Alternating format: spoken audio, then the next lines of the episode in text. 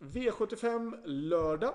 Det är ju full fart på Winterburst nu och V75 kommer att komma varje dag under den här kommande veckan. Och vi börjar då med V75 lördag och eh, på Umeåker och vi börjar med V75 1 där då nummer 2 Selmer IH är hårt betrodd. Och det är befogat tycker jag. Det är bara sju stycken hästar med i loppet. Han har ett bra spår, han har visat bra form. Jag tycker inte att det finns någon anledning att gå emot två Selmer IH. Vill man gardera, ja då är det nummer ett JH Mannerheim eller då kanske nummer fyra Grainfield Aiden som startar frenetiskt. Eh, men jag tror ändå ingen utav dem rår på Selmer IH. V75 2 har jag valt att gardera lite grann. Jag vill att vi är nummer 3 Moshusprinsen. 5 Hornes Tore. 6 Eldgrej och nummer 11 Ängsbrage. 3, 5, 6 och 11 i den andra avdelningen. I den tredje avdelningen så är då nummer 3 Melby Galania hårt betrodd. Befogat absolut, men jag vill gardera och ta med ytterligare en häst och då är det nummer 2 Gasolin Meras.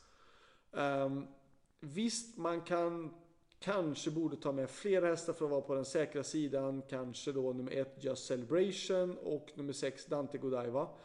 Men jag har valt att banta ner det till att ta två stycken hästar och gardera den stora favoriten. V75 4. Där är då nummer 3 Egelands Fredrik hårt betrodd. Eh, Jörgen Westholm. Befogat, absolut. Gjort eh, sex starter och eh, under 2021 och vunnit fem av dem och en trea. Så att det är klart att med stor sannolikhet så kommer han att vinna. Men jag tycker ändå att han är otroligt hårt sträckad och jag skulle vilja, inte fälla honom, det är inte det jag är ute efter, men jag skulle, det skulle bli ganska så bra drag i kuponghögen om han förlorar.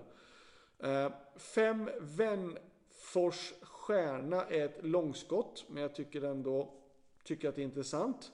Hästen har gjort 10 starter och vunnit 3 segrar i år. 6 eh, Stjärnetore, 8 Sjöstjärna och 11 Kjell Sjöviking. Eh, 3, kanske då 5, 6, 8 och 11 har jag valt i den fjärde avdelningen. Femte avdelningen.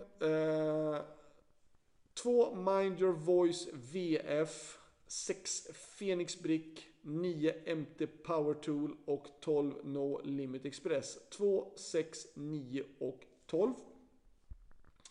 Avdelning 6, då är då Samu Sandqvist hårt betrodd igen. Han är ju hårt betrodd i den första avdelningen med eh, Selmer IH och likadant här då i den sjätte avdelningen med två Facing Life. Ska han vinna två V75-lopp? Ja, absolut. Det är fullt möjligt. Eh, men jag tycker ändå i ett sånt här eh, storlopp kan jag tycka att man kan kosta på att gardera i det här loppet. Eh, tre eh, Stina Lavina Sonett.